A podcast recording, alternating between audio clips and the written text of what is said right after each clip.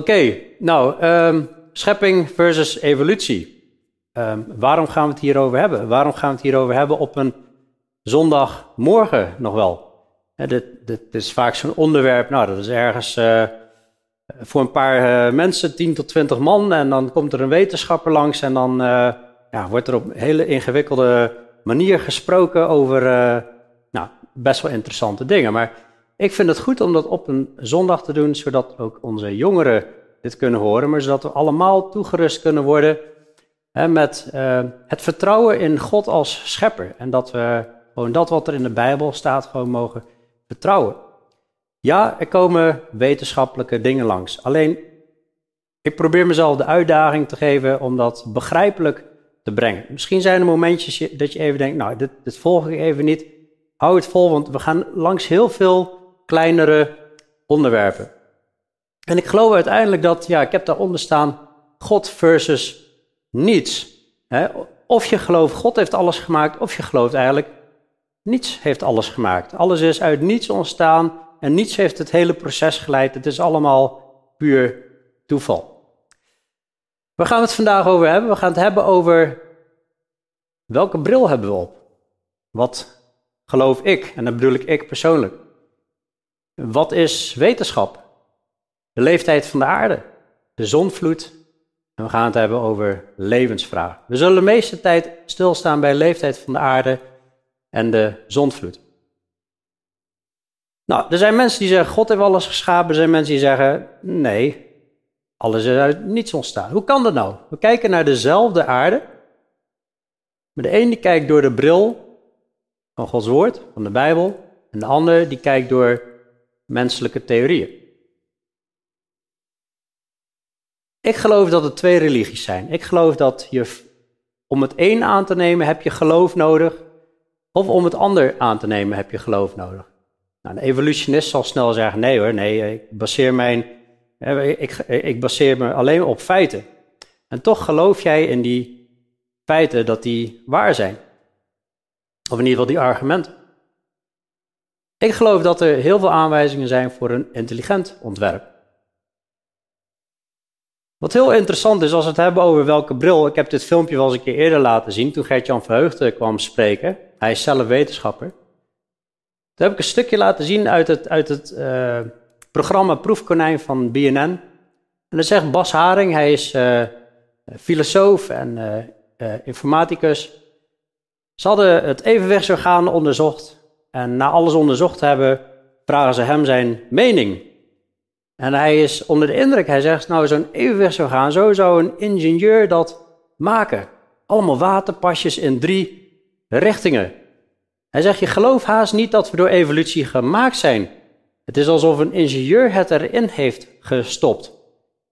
Maar dan zegt hij, als ik langer nadenk, realiseer ik me, dat kan niet waar zijn. We zijn natuurlijk wel door evolutie gemaakt. Hoe kan dit? Hij zegt, als ik het zo zie, dan denk ik, wat zitten wij toch knap in elkaar alsof iemand het bedacht heeft. Dus hij bekijkt iets, hij komt eigenlijk tot de conclusie, hé, hey, ik zie een ontwerp, ik zie ingenie ingenieuze werk hier. En toch komt hij tot de conclusie, maar als ik langer nadenk, denk ik, nee, dat kan niet waar zijn. Wat gebeurt hier? Wat voor vreemde stap is dit? Nou, dat, dat is waar we het vandaag onder andere over hebben. En op het eind zal ik mijn conclusie geven waarom ik geloof dat hij dit zegt. Er zijn ook wetenschappers zoals Spike Psaris. Hij was atheïst. Hij werkte tien jaar bij de NASA, bij de Military Space Program. Hij onderzocht het heelal. Hij ging er als een atheïst in, hij kwam er als een christen uit. Wat is er gebeurd met hem? Hij is het heelal gaan bestuderen, het universum gaan bestuderen. Hij kwam achter, ik zie zoveel dingen, dit kan niet vanuit een knal ontstaan zijn. moet je maar eens kijken op YouTube wat hij daar allemaal over vertelt. In een YouTube-filmpje Science or Storytelling. Hij heeft gewoon eerlijk geobserveerd en gezegd: hey, ik zie werk van een ontwerper. De Big Bang-theorie klopt in ieder geval niet. hij is eerst in God gaan geloven, toen pas in de God van de Bijbel. Toen pas is hij christen geworden. We hebben recentelijk ook bij evangeliseren onder ATS stilgestaan bij David Berlinski. David Berlinski gelooft niet in God. En die zegt gewoon heel eerlijk, er is geen bewijs. Wie heeft het bewijs geleverd dat God niet bestaat? Heeft kwantumcosmologie het ontstaan van het universum verklaard? Of waarom het hier is? Nou, komen niet eens in de buurt. Hebben onze wetenschappen uitgelegd waarom ons universum zo lijkt te zijn afgestemd om het bestaan van leven mogelijk te maken? We komen niet eens in de buurt. Dit is iemand die niet in God gelooft, die gewoon heel eerlijk kritisch naar de argumenten durft te kijken en zegt: jongens, er is niks bewezen. Daar moeten we eerlijk in zijn. Dus welke bril hebben we op? Kijken we bevooroordeeld of durven we eerlijk naar de feiten te kijken en te zeggen: we gaan de feiten bestuderen en we laten ons leiden naar, door wat de feiten zeggen. Nou, persoonlijk moet ik daarbij zeggen dat mijn geloof is wel geënt op het woord van God. Omdat ik een, een geloof en vertrouwen en een relatie heb met God en, en, en Gods geest in mij woont. En die overtuigt mij van waarheid. Dat klinkt voor een ongelovige als dwaasheid, maar toch is dat wel hoe ik het leven zie. Dat is mijn overtuiging. Maar daarnaast vind ik het ook heel mooi om te kijken in de wetenschap, in de natuur, van hé, hey, hoe kan ik dit geloof ook nog onderbouwen? Wat ik geloof is, in het begin schiep God de hemel en de aarde. En dat is het universum eigenlijk. De hemel en de aarde, het universum. Het mooie aan het universum is, dat betekent letterlijk, uni betekent één en versum betekent een zin of een, een, een vers. Dus in een gesproken zin is dus eigenlijk de, een gesproken zin, dat is eigenlijk de betekenis voor universum. God zei, er zij licht, of er zij, en het was er. God schiep het leven. God zag dat het zeer goed was na zes dagen schepping. In Exodus 20, wanneer God de wet geeft, de tien geboden, zegt God heel duidelijk, persoonlijk zegt hij, want in zes dagen heeft de Heere de hemel en de aarde gemaakt, de zee en al wat erin is. Dus in zes dagen, letterlijke dagen. Hij koppelt dat aan de week. In Exodus 31, vers 18, staat dat God die wet met zijn eigen vinger beschreven heeft. Dat is het enige stukje in de Bijbel wat God met zijn eigen vinger heeft beschreven. En daar ga ik niet mee in discussie. Er zijn er mensen die zeggen, ja, maar moet je een dag wel letterlijk nemen. Nou, het woord dag komt 700 keer voor in de Bijbel. En op alle andere plaatsen nemen we een dag gewoon als een dag, als 24 uur. Waarom zouden we het dan hier niet doen. Ja, maar Philip Petrus die zegt toch uh, in, in zijn brief dat een dag is begot als duizend jaar en duizend jaar als een dag. Ben ik het volledig mee eens. Maar luister goed, wie, bij wie dat is. Bij God is een dag als duizend jaar en duizend jaar is een dag. Bij de mens is een dag is gewoon een dag. God staat buiten de tijd, maar de, ja, de mens is de dag Dus als God tegen ons spreekt over dagen, dan heeft hij het ook gewoon over dagen. Dan is dat helemaal niet ingewikkeld. Romeinen 1 zegt, wat van God gekend kan worden, wat wij zien in de schepping. Dat is bekend, God heeft het immers geopenbaard, God zelf. Want de dingen van Hem die onzichtbaar zijn, worden sinds de schepping van de wereld uit Zijn werken gekend en doorzien, namelijk en Zijn eeuwige kracht en Zijn goddelijkheid, zodat niemand een excuus zou hebben. Als je sterft, je komt voor God, kun je niet een excuus hebben. Zeggen, oh, ik heb, ik heb nooit geweten dat God bestond. Heb ik nooit kunnen weten. Nee, geen excuus. God heeft overal zijn werk achtergelaten. Zijn handtekening is overal opgeschreven. Maar ditzelfde gedeelte zegt ook, niet hier, maar uh, de andere versen die erbij horen, zeggen ook dat mensen de waarheid in hun ongerechtigheid onderdrukken. Mensen willen zondigen, in zonde leven, hebben de zonde meer lief dan dat ze God willen liefhebben. En daarom stoppen ze het weg. Nou, wat zie ik ook? ik zie Gods schepping, die nog steeds uh, mooi is, maar ook bedekt met gevolgen van de zondeval. En een wereldwijde ramp. Een zondvloed. We hebben te maken met de gevolgen van zonde. De mens is ongehoorzaam geweest aan God. De mens is in opstand gekomen tegen God. En daardoor is er ziekte, daardoor is er dood, daardoor is er pijn, daardoor is er moeite. Al die dingen. Tornado's, uh, tsunamis, uh, het coronavirus. Er is dood. Er is van alles. Oorlog. Maar dat is, de gevolg, dat is het gevolg van de zondeval, van de zonde. Het volgende punt waar ik over wil hebben is, wat is wetenschap? Want als het gaat over schepping en evolutie, dan wordt vaak de wetenschap aangehaald. Wij geloven in wetenschap, die baseren zich op feiten. Dat, is, dat staat als een huis, zo wordt het gebracht. Maar is dat zo? Laten we eerst kijken, wat is wetenschap? Het Engels woord voor wetenschap is science. Dat zal niet nieuw voor de meesten zijn. Kijken we dan naar het Merriam-Webster, dat is een wereldwijd ja, redelijk geaccepteerd woordenboek. Die zegt dat het kennis, eh, science is kennis over en studie van de natuurlijke wereld op basis van feiten, geleerd door middel van experimenten en observatie. Dus wetenschap is op basis van experimenten en observatie. Dus als het is op basis van experimenten en observatie, welk onderdeel van de evolutietheorie is dan waar? Is dan wetenschap?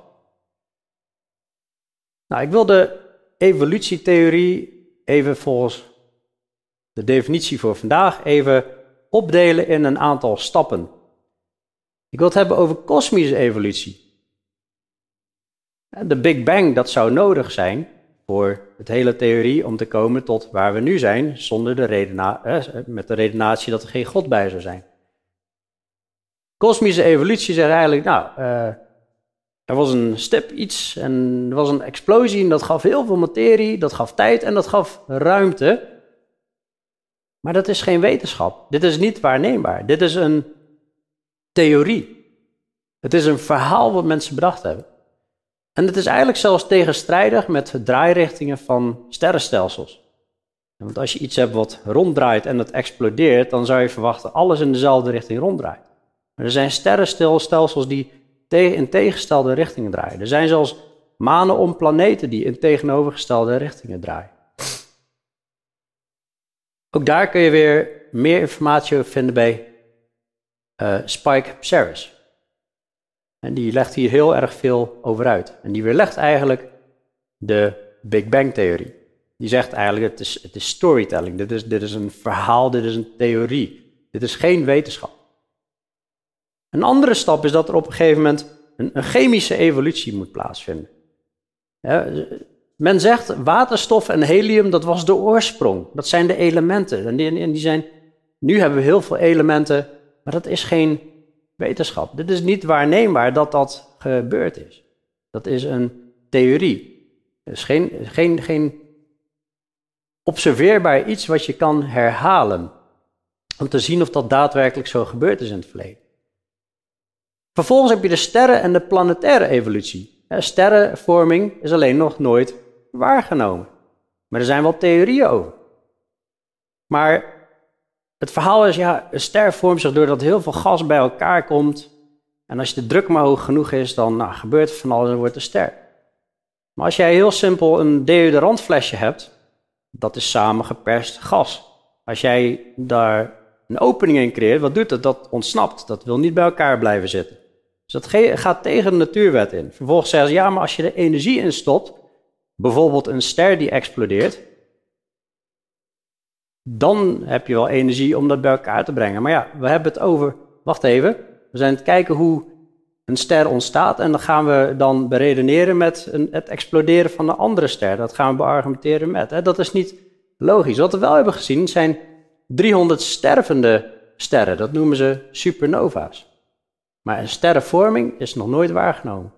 Dus ook dit is een verhaal helemaal gebaseerd op aannames en verhaal vertellen. Dan heb je nog de organische evolutie. Dat betekent iets wat niet leeft, komt tot leven, maar dat is niet waargenomen. Dit is geen wetenschap, dit is niet waarneembaar. Zelfs niet de proef van Miller, zoals ze dat noemen. Hebben ze in een, in, een, in een bol hebben ze de ideale setting voor atomen, moleculen, om, om, om te ontstaan, zeg maar. Om uiteindelijk uh, een, ja, een eerste primitieve vorm van leven te kunnen geven, maar dat is nog nooit waargenomen. Inmiddels weten we ook dat Darwin die heeft ooit bedacht dat een cel, dat is een heel ja, dom uh, hoopje plasma, zeg maar.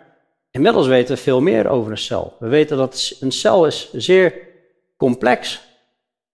En dat is, uh, een hele fabriek zit daar binnenin. En dat is nog nooit waargenomen dat dat zomaar uit niets tot stand komt.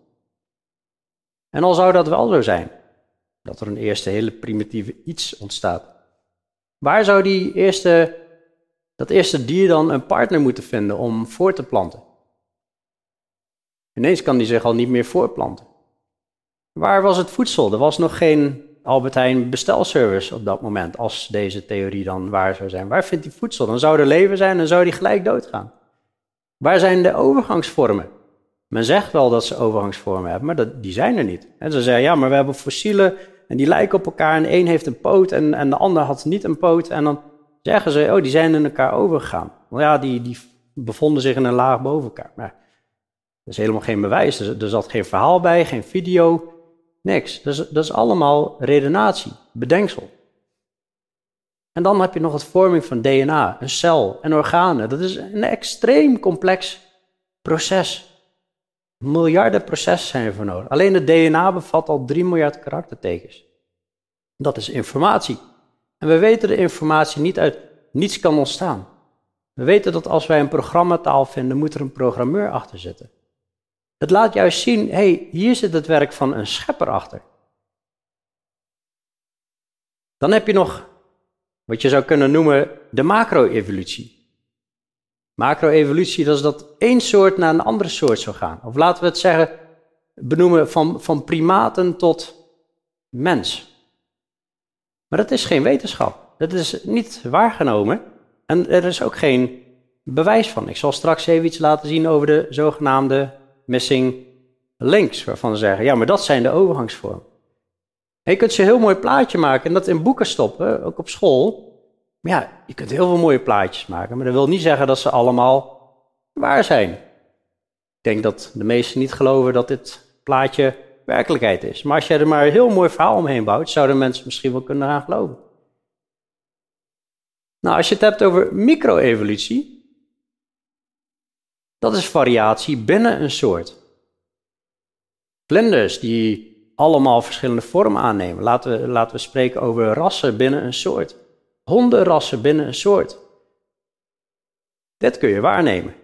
Dit is wetenschap. Dit is wat ik ook geloof. Maar al dat andere, dat is geen wetenschap. Dit is echte wetenschap. Maar wat is hier nou zo bijzonder aan? Dat, dat, dat uh, binnen een soort er variaties zijn, dat bewijst niet dat we van een cel ooit tot een mens zijn gekomen. Want als wij onder de elektronenmicroscoop kijken, die er sinds 1960 is, dan ontdekken wij, er komt geen nieuwe informatie bij. Alles wat wijzigt, dat komt vanuit het bestaande DNA. Nog sterker, er vindt zelfs um, er vindt zelfs mutatie plaats, waardoor we informatie verliezen. Dus er is eigenlijk sprake van devolutie en niet van evolutie. Maar dit wordt aangehaald als een bewijs. Kijk, we zien, soort, we zien binnen een soort zien we verandering. Dus dat is een bewijs dat we ooit helemaal vanuit een cel een mens zijn geworden. Dit is geen bewijs. Dit laat alleen maar zien dat God een hele intelligente architect is die dieren en mensen zo heeft gemaakt dat ze heel goed kunnen aanpassen binnen een bepaalde milieu, binnen bepaalde omstandigheden. En dit is wetenschap, dit is waarneembaar. En dat is geweldig om te zien. Maar dat bewijst niet de evolutietheorie. Het bewijst juist dat God een schepper is en de dingen heel mooi in elkaar heeft gezet. Nou, waar is de missing link? Daar had ik het al over. Die heb je dan wel nodig, een missing link, om te bewijzen de aap is een mens geworden. Maar waarom zie ik nu heel veel apen? Allemaal soorten. Waarom zie ik heel veel mensen? Maar waarom zie ik niet al die tussenvormen? Dat vind ik al een grote vraag.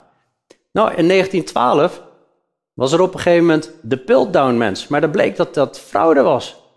Dus 40 jaar is dat aangenomen als een, als een als zijn van dit is het bewijs dat de aap naar de mens is overgegaan. Er is een hele generatie mee misleid.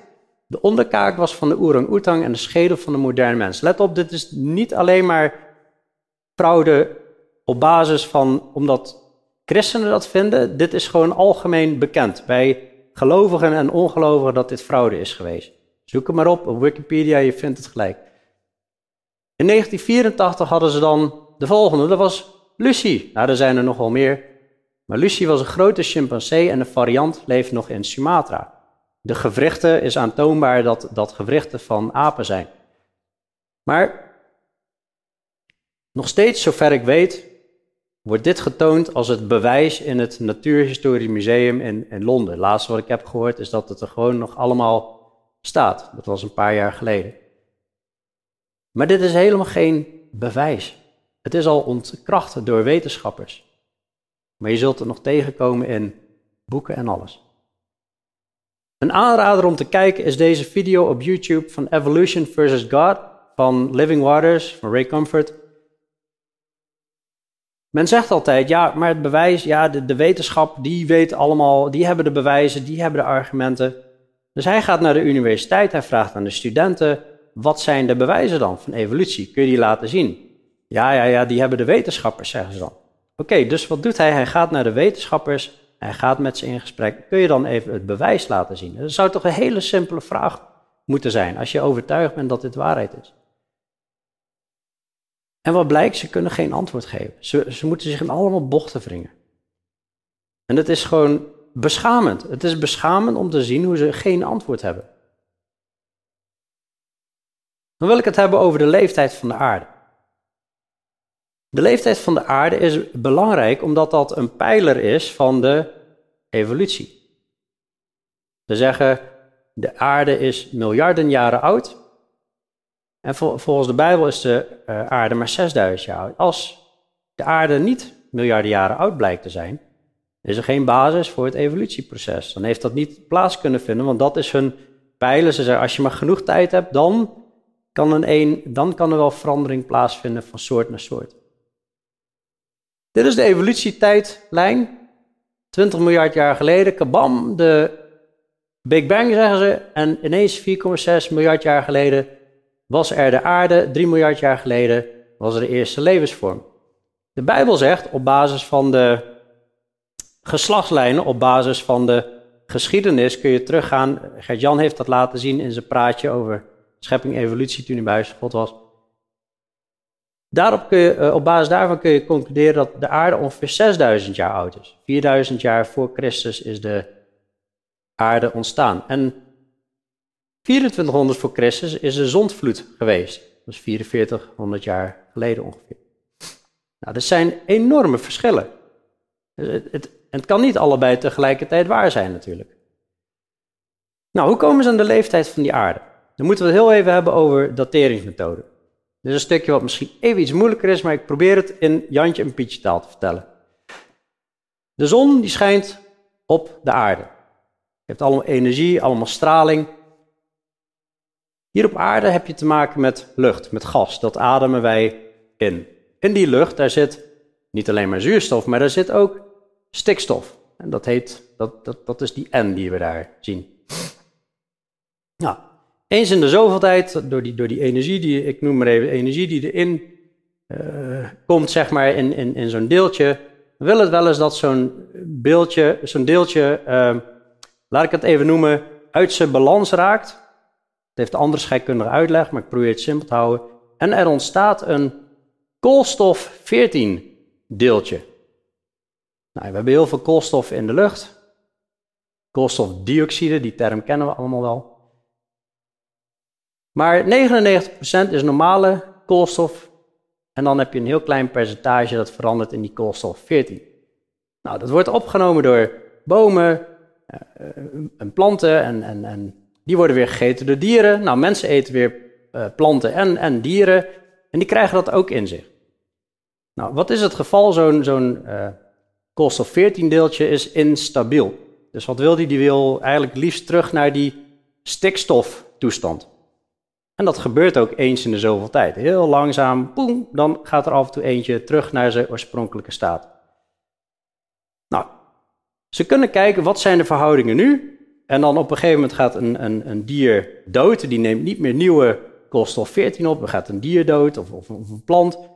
En dan zit daar koolstof 14 in, maar dat begint te vervallen. Want dat gaat terug naar die staat. Nou, als ongeveer de helft vervallen is, de helft weer terug is naar zijn oorspronkelijke staat, dan is er ongeveer 5730 jaar verstreken. Dus ze kunnen een beetje op basis van die verhoudingen zien, nou, hoe oud was zo'n plant of een, of een dier toen die stierf. Nou, dat klopt allemaal best redelijk. Dat kun je verifiëren op uh, bepaalde zaken waarvan je echt de leeftijd weet. En tot een paar duizend jaar terug klopt dat redelijk. Maar daarna begint het te schommelen. Nou, dit is een voorbeeld van een dateringsmethode. Maar er zijn er heel veel verschillende. Er zijn ook dateringsmethoden voor stenen. Ik moet dit vertellen omdat dit is een, een, een belangrijk element voor de evolutionisten.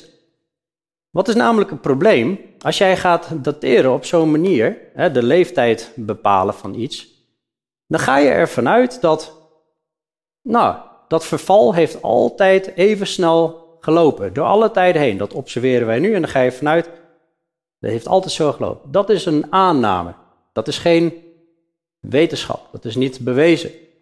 Je gaat er ook vanuit dat de hoeveelheden, die verhoudingen altijd hetzelfde zijn geweest. Maar wij weten dat dat niet zo is. Bijvoorbeeld bij de industriële revolutie is er heel veel fossiele brandstof uit de aarde gehaald en er is heel veel nieuwe koolstof in de lucht gekomen met andere verhoudingen. Dus er zijn invloedsfactoren die daar, er zijn factoren die daar invloed op hebben. En wat als die wereldwijde ramp heeft plaatsgevonden, die zondvloed, dan heeft dat ook invloed op zo'n snelheid of verhoudingen. Dat wordt daarin niet meegenomen. Nou, zo zijn er ook andere dateringsmethodes. Hier, uh, dat is op een gegeven moment een granietgesteente. Nou, daarvan zeggen ze, nou, die was anderhalf miljard jaar oud. Maar er zijn soms meerdere manieren, meerdere dateringsmethodes om eenzelfde gesteente te meten. Er zat namelijk ook helium opgesloten in kristallen. En er was een groep, en dat project heette de, de RAID. Dat was, dat was een groep van zeven christelijke wetenschappers. En die hebben acht jaar hebben die onderzoek gedaan naar dateringsmethodes. Die hebben gesteentes gepakt en die hebben ze naar het laboratorium gebracht. Niet rechtstreeks, maar via andere mensen, zodat het laboratorium niet wist van dit komt van christen af. En zij hebben de voorspelling gedaan op basis van de helium die erin zat. Die konden eigenlijk niet inzitten, want helium dat is heel vluchtig, dat, dat had al lang weg moeten zijn. Hebben ze gezegd, wij, wij voorzeggen dat dit ongeveer 6000 jaar oud is, dit gesteente. En wat kwam er in het laboratorium uit toen ze gingen meten op de, op de helium? Deze mensen wisten er niks van dit project. 6000 jaar kwam eruit. Dat is geweldig om te zien. Dat onderstreept eigenlijk de Bijbel. Nou, zo hebben ze nog veel meer experimenten gedaan. Er zijn ook metingen gedaan in, in de, is heel moeilijk uit te spreken, Uinkaret lavastroom. Dat is een, een, een lavastroom in de Grand Canyon. Je zou denken, als ze zo'n vertrouwen hebben in de leeftijd van de aarde en die gesteentes, dat er hard bewijs is dat je altijd dezelfde leeftijd vindt van gesteentes. Zo'n lavastroom wordt uiteindelijk gesteente. Nou, niet schrikken, dit zijn allemaal van die dateringsmethodes. Het gaat erom, het zijn verschillende dateringsmethodes. En dan zie je hier, 13 keer is er een, is er een variant toegepast. En wat komt eruit? Ouderdommen van variërend van 10.000 jaar tot 2,6 miljard jaar. En dan hebben we het over eenzelfde lavastroom, eenzelfde gesteente.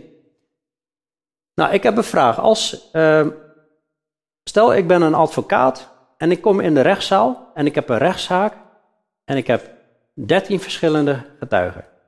En allemaal hebben een ander verhaal. Wat zegt een rechter dan?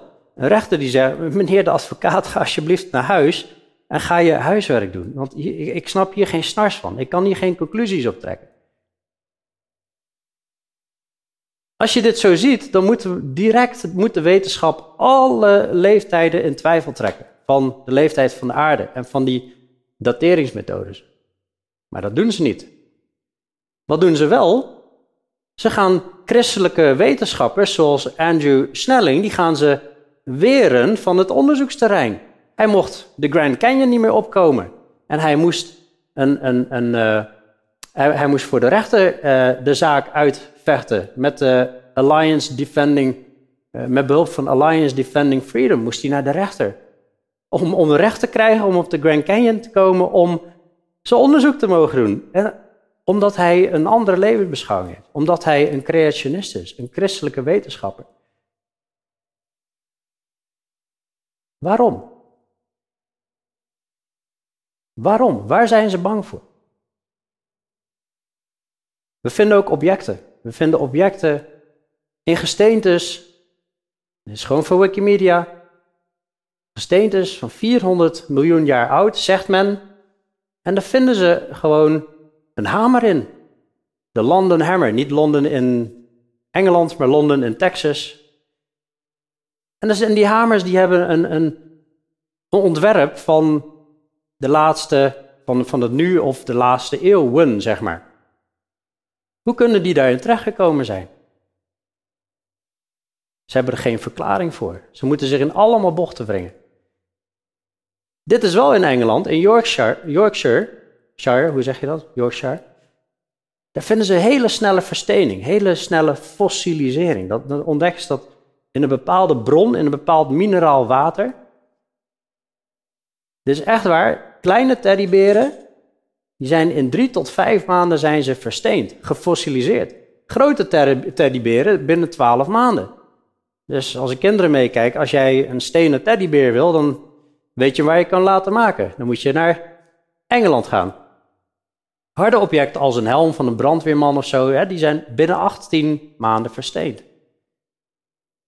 Wereldwijd zijn er meldingen van dergelijke minerale bronnen, waar, waar dus het blijkt als er heel veel zout in zit, dat iets heel snel kan verstenen. Dat het helemaal geen miljoenen jaren duurt. Wat ze wel zeggen, fossielen, het duurt miljoenen jaren om die te vormen.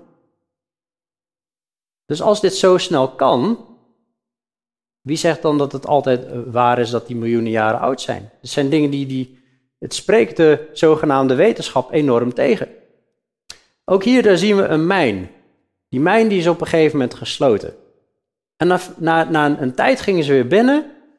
En de mijn was 55 jaar oud op het moment van de foto. En toen was hij, daarvoor was hij in gebruik. En hier zie je een bordje, ik weet niet of het op de camera te zien is, maar dat bordje, uh, hier staat switch. Dat is helemaal overgroeid met uh, stalagtieten en stalagmieten.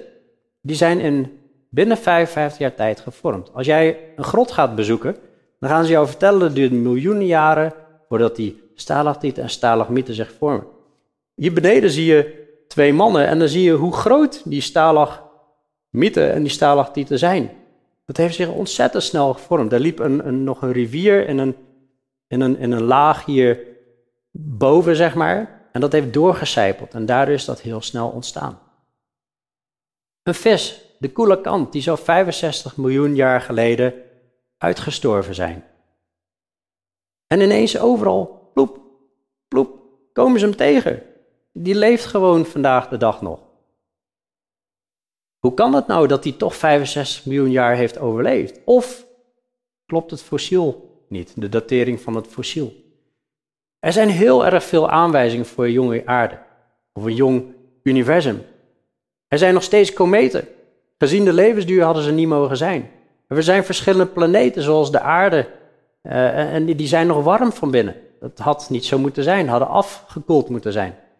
Oceanen worden steeds zouter, maar als je terugrekent, dan zijn ze nog maar enkele duizenden jaren oud. Als je even hè, alles constant zou berekenen, zoals de evolutionisten dat ook doen. De Sahara die groeit. Als je terugrekent in de groeisnelheid, kom je eigenlijk uit bij de tijd van de vloed. De bevolkingsgroei groeit exponentieel. Als je terugrekent, kom je weer uit bij de ark van Noach.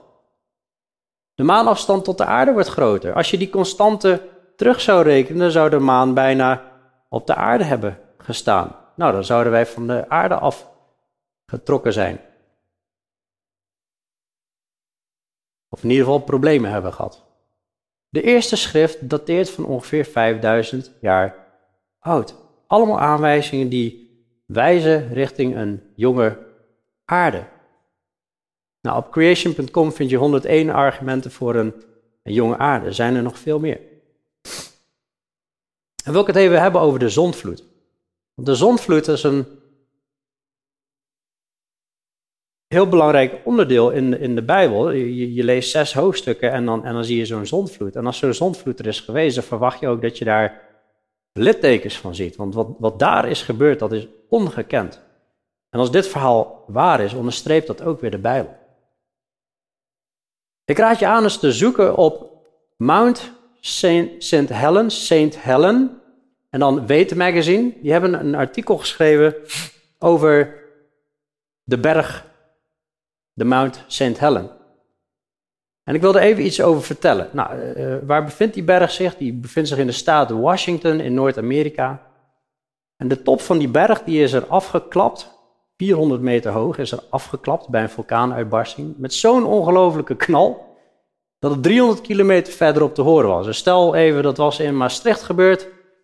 Dan zou heel Nederland het gehoord hebben, tot in Frankrijk, tot uh, nou, België, Luxemburg en Duitsland.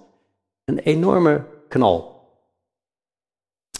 Waarom is dit een belangrijk stukje? Omdat dit, dit is eigenlijk een, een, soort, als we het hebben over de zondvloed, dat is een wereldwijde catastrofe. Maar hier hebben we eigenlijk een soort, dit was ook een geweldige catastrofe, maar in vergelijking met een wereldwijde zondvloed, mini-catastrofe. En dat is eigenlijk een soort mini-model van hoe een zondvloed zou kunnen zijn verlopen. Na die klap zijn er ook canyons ontstaan. Of in ieder geval in, dat, in het proces van die uitbarsting. Die Spirit Lake moet je even in, even in gedachten houden, want daar kom ik zo nog uh, even op terug. De Mount St. Helen, het was in 1980, dat is nog vrij recent. Begon die eerst met pruttelen. Een vulkaan begint altijd eerst te pruttelen. Die druk die bouwt zich op. Er kwam uiteindelijk magma van, van, van 10 kilometer diepte omhoog. En, en, en er begon al 2,5 miljard kuub aan steen en ijs, dat begon de hellingen af te jagen met 240 km per uur. Nou, dit, dit is ongelooflijk veel materie en dus met een ongelooflijke snelheid. Dat nam bomen mee van 2,5 meter doorsnee. Voem, nam het mee alsof het luciferstokjes waren. Die kwamen allemaal in de Spirit Lake terecht. In die Spirit Lake, daar ontstond een vloedgolf van maar liefst 260 meter hoog. een vloedgolf van 260 meter hoog, je kunt je voorstellen voor de omgeving, de hele natuur, dat is alles verwoestend. 75% van die, van, die, van die stroom, dat ging naar een uh, rivier en dat creëerde een, een dam. Nou, toen kwam de, de uiteindelijke eruptie. Er klapte 400 meter hoogte klapte van die berg af. Nou, dan bleef, bleef zo'n uh, zo'n gat bleef er over. 400 meter eraf, dat is ongekend. Nou, daarna wat je dan krijgt, dat noemen ze pyroclastische stromen. Die gingen met 100 km per uur. Hè. Die, die magma komt eruit, dat wordt lava, dat gaat de berg af, dat neemt allemaal rotsen en stenen mee. Je hebt rook en gas en dat is een spectaculair fenomeen. Maar dit is, dit is desastreus. In no time waren, waren er allemaal lagen gecreëerd. Laag over laag. Hè. Hier krijg je een laag, de volgende komt er weer overheen. En in no time was er 100, een, een, laag van 180 mm dik. En die bestond uit allemaal lagen. Laten we het noemen een stapel, als een stapel pannenkoeken. Nou, dat begint dan wat uit te harden als de boel tot rust is gekomen. Maar in 1982 kwam er een kleinere uitbarsting. En, en, en die stroom die slijpt ineens in die lagen weer canyons. Canyons, dat, dat zijn een soort geulen. Um, uh, uit die lagen van uh, 1980. En, en dit noemen ze ook wel de Little Grand Canyon.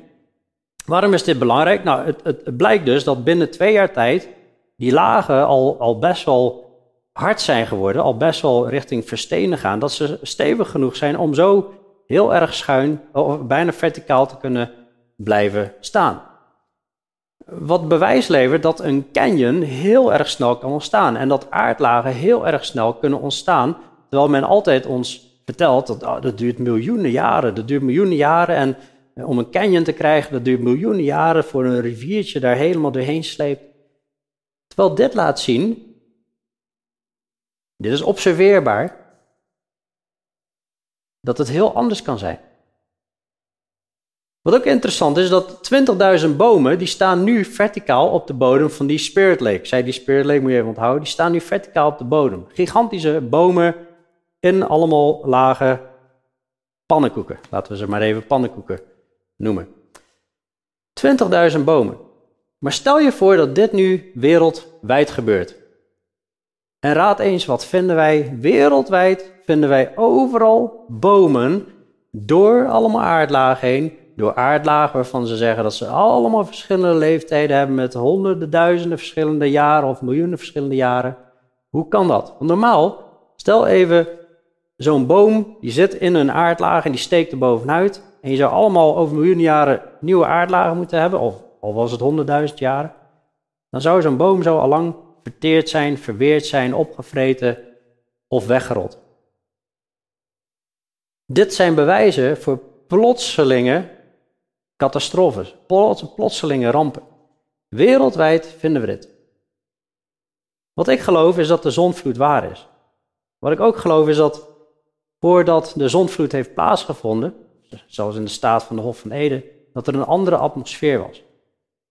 De Bijbel spreekt daar ook over, dat er, er was water boven, God had op een gegeven moment water boven gemaakt en hij had water onder de aarde ook gemaakt. Er was een gewelf, wordt er over gesproken. En, en dat gewelf, ik geloof dat dat een, een, een, hele dikke laag water is. Er zijn heel veel wetenschappers die, die, die geloven dat dit zo is. Ik zal uitleggen waarom. Of misschien wel zelfs een laag ijs.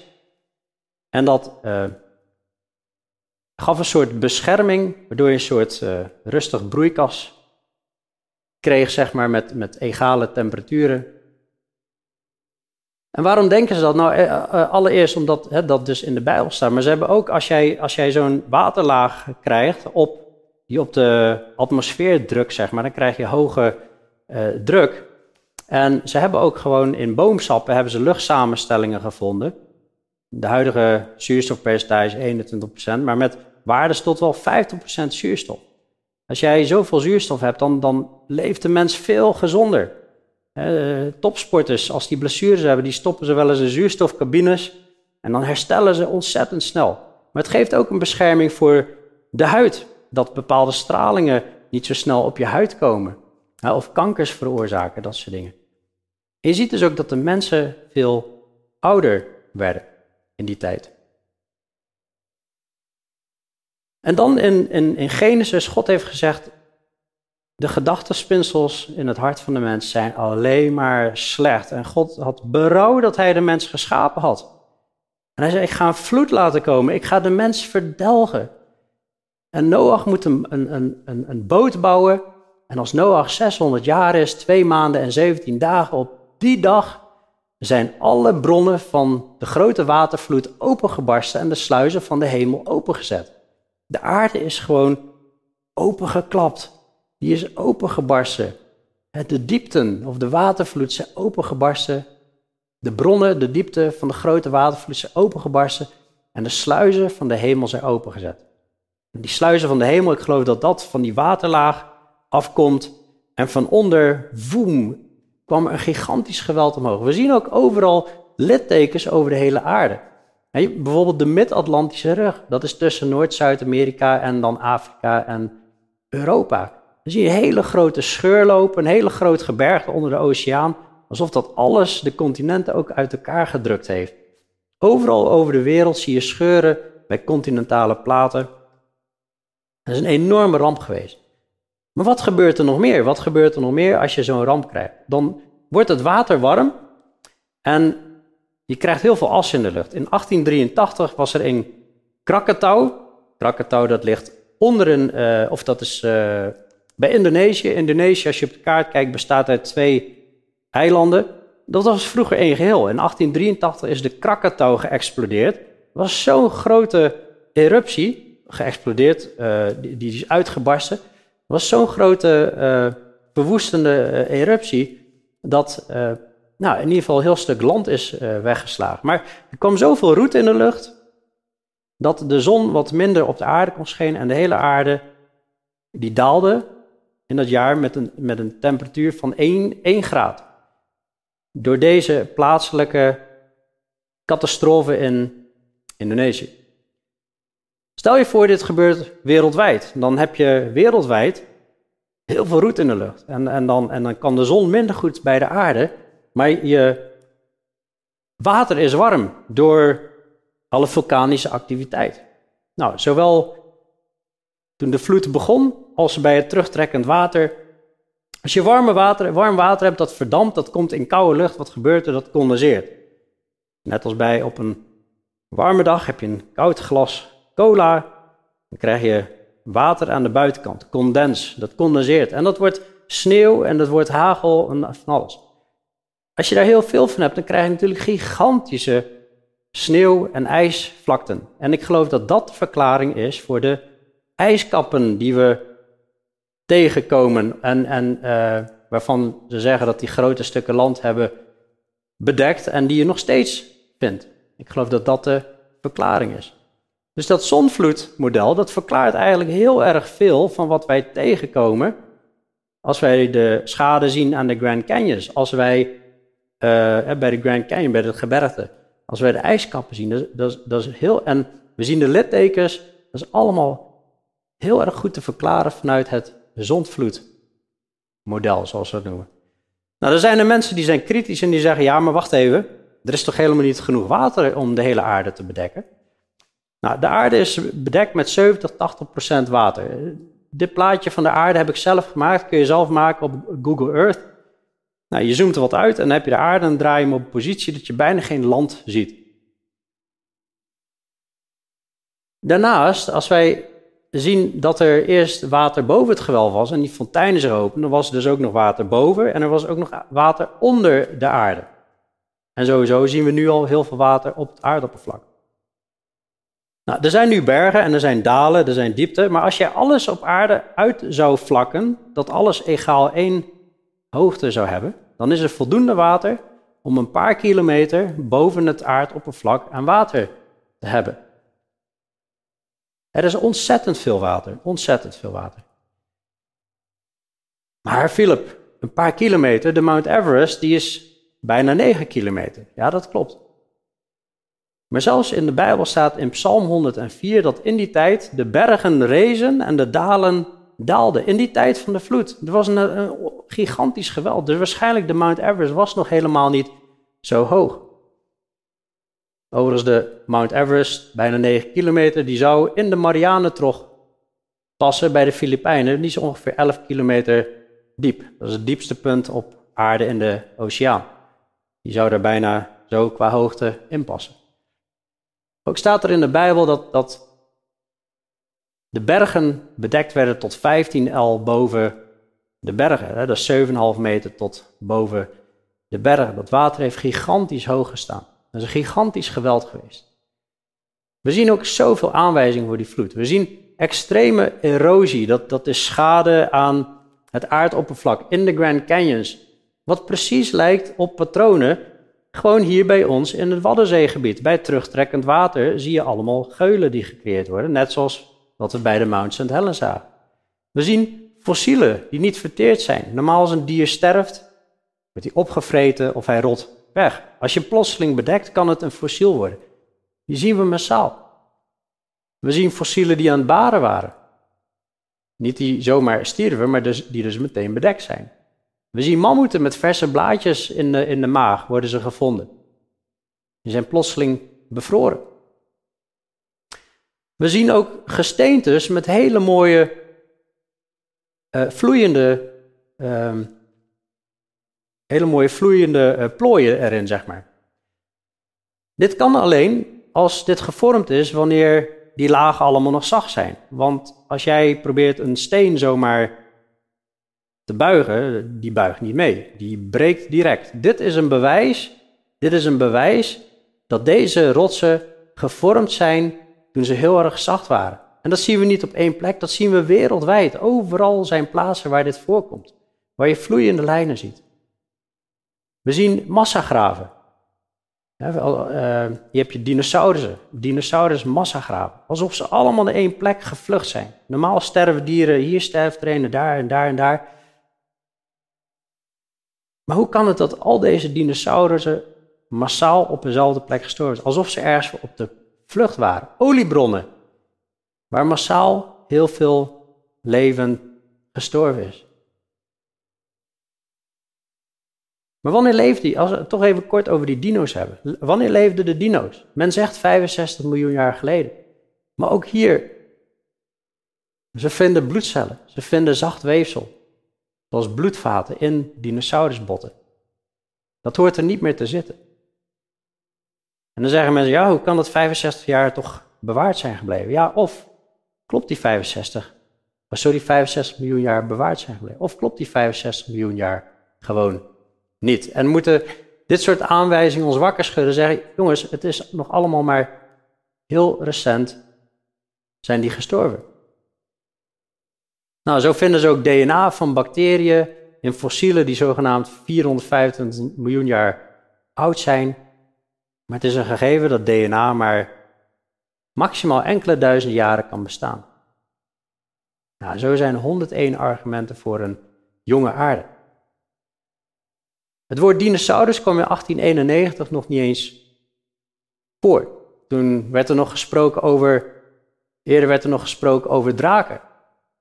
Later zie je in een woordenboek in 1946 nog een draak is nu, dat, dat dat een dier is wat nu zeldzaam is. Er staat niet dat ze uitgestorven zijn. Er zijn heel veel verhalen die gaan over draken. Geschiedenisverhalen die gaan over draken. In combinatie met andere dieren. Duizenden verhalen van mannen die draken doden. De Chinese kalender, die al heel oud is, heeft elf dieren en een draak. Heel veel grotschilderingen zien we met dino's, met draken. Het lijkt er heel sterk op dat die gewoon naast de mens hebben geleefd. Ook in het boek Job, in de Bijbel, wordt gesproken over de Behemoth en de Leviathan. Als je die omschrijvingen ziet, dan denk je, wow, dit, zijn, dit, wijst heel sterk op dinosaurusachtige wezens. Er is een kritiekpunt op de Leviathan dat hij ook vuur zou kunnen spuwen. Ja, maar dat is toch fantasie? Nou, dat weet ik niet. Als wij kijken dat er nog steeds dieren zijn zoals de bombardeerkever, die verschillende chemische kamers heeft en dat samen kan voegen en zo chemische, uh, een chemisch wapen heeft waar, waarbij zeer hoge temperaturen ontstaan, waarom zou dat dan niet hebben kunnen plaatsvinden in zo'n zeemonster? Er zijn een soort krokodilachtige wezens gevonden waar kamers zitten die onverklaarbaar zijn van hé, hey, wat, wat heeft dat voor functie gehad? Nou, je vindt er allemaal meer uh, informatie over. Pootafdrukken van dinosaurussen door kruis met mensenvoeten worden gevonden. Als je dit allemaal begint op te tellen, dan moet je toch achter de oren krabben en zeggen van hé, hey, hebben die dino's echt zo lang geleden geleefd? Het gaat maar door. De, de, de bewijzen, de argumenten, ze zijn overwhelming. Ik raad aan om, om die bovenste drie boeken, om dat te lezen. Het rechterboek is uh, meer voor uh, de hogere klas van VWO en voor docenten. Weet Magazine, Logos, de website creation.com heeft 12.000 wetenschappelijke artikelen. Hele boeiende informatie. Bekijk deze dvd's eens. De Achilleshiel van evolutie, die moet je bestellen bij Weet Magazine. Die andere drie rechts, die van Spike uh, heb ik al genoemd. Je online kijken, Evolution versus God. En eerlijk over evolutie met Gertjan Verheugde, wat hij de vorige keer bij God heeft gegeven. Bekijk het. Heel veel informatie die heel erg sterk is. Maar ik wil niet eindigen met alleen maar informatie, met alleen maar wetenschap. Evolutie heeft geen antwoord op levensvragen als wie ben ik? als evolutie waar is. Want dan ben je maar een hoopje chemicaliën. Waar kom ik vandaan? Waarom zijn we hier? je hebt helemaal geen nut als je uit evolutie komt. Je, je leven is zinloos. Je bent, je, bent doelloos hier.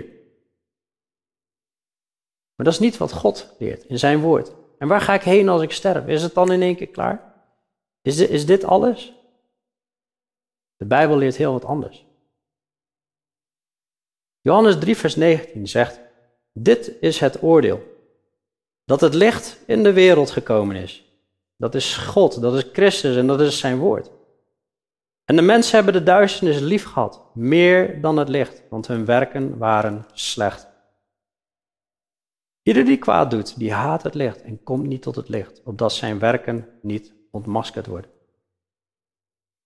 In het begin had ik over waarom komen wetenschappers die zien dingen en komen tot hele vreemde conclusies. Dit is de reden, dit is de echte reden, zegt God. Dat komt omdat mensen de zonde lief hebben. Ze houden ervan om overspel te plegen, om porno te kijken. Ze houden ervan om overspel te plegen, om, om te liegen, om eigen bestwil en weet ik veel wat allemaal. Om alleen maar zelfzuchtig te leven. En ze stoppen God aan de kant. Dat is de echte reden waarom deze argumenten allemaal aan de kant gelegd worden. Dat is de echte reden waarom die man geweerd werd van de Grand Canyons. Want als dit allemaal waar is, dan moeten wij ons verantwoorden aan een groot God. We zijn allemaal onderweg naar God. Hij wordt of jouw redder, of hij wordt jouw rechter. En het komt heel erg snel. Zo lief heeft God de wereld gehad dat hij zijn enige geboren zoon gegeven heeft. Opdat ieder die in hem gelooft niet verloren gaat, maar eeuwig leven heeft. Wie in de zoon gelooft, die heeft eeuwig leven. Dat is een geschenk. Maar wie de zoon ongehoorzaam is, zal het leven niet zien. De toorn van God, die blijft op hem.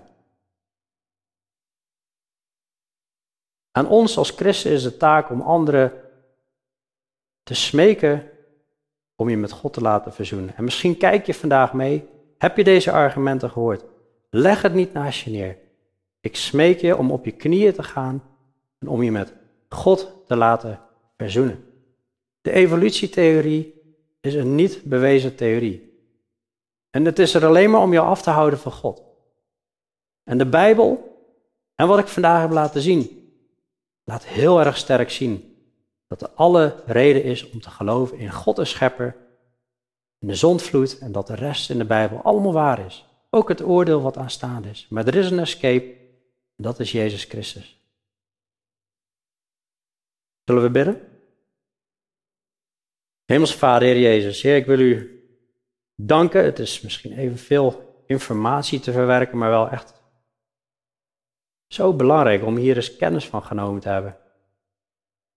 Om te, ja, ik ben eigenlijk ontzettend dankbaar dat, dat, dat we zoveel wijze mensen hebben hier in de wereld die dit allemaal onderzoeken, die u kennis en inzicht en wijsheid hebben gegeven. Ik wil bidden, Heer, dat uh, dit niet alleen maar tot hoofdkennis mag leiden, maar ook tot hartenkennis. Dat dit mag helpen om dat mensen hun vertrouwen meer, nog meer gesterkt mogen hebben in U, Heer, en in Uw woord. Dat ze mogen zien dat wat we om ons heen zien aan, aan catastrofes en wat U in de schepping hebt gelegd, dat het Uw woord onderstreept. Waarin staat dat U een heilig God bent en iedereen op een dag voor U komt voor die grote witte troon. Maar ik dank u dat u ook liefdevol en genadig en barmhartig bent voor wie zich bekeren, op de knieën gaan en erkennen, ik ben een zondaar. Heer, ik bid u, Heer, dat u ons gebruikt om zo mensen te bereiken, om, om het evangelie door te geven en, en dat deze argumenten daarin mogen helpen. En als er mensen zijn die kijken en, en nog twijfelen over de evolutietheorie of er nog in geloven, Heer, dat u hun de ogen opent, Heer. Dat bid ik zo. Heer, wilt u de harten raken en mensen tot u trekken met koorden van In Jezus' naam. Amen.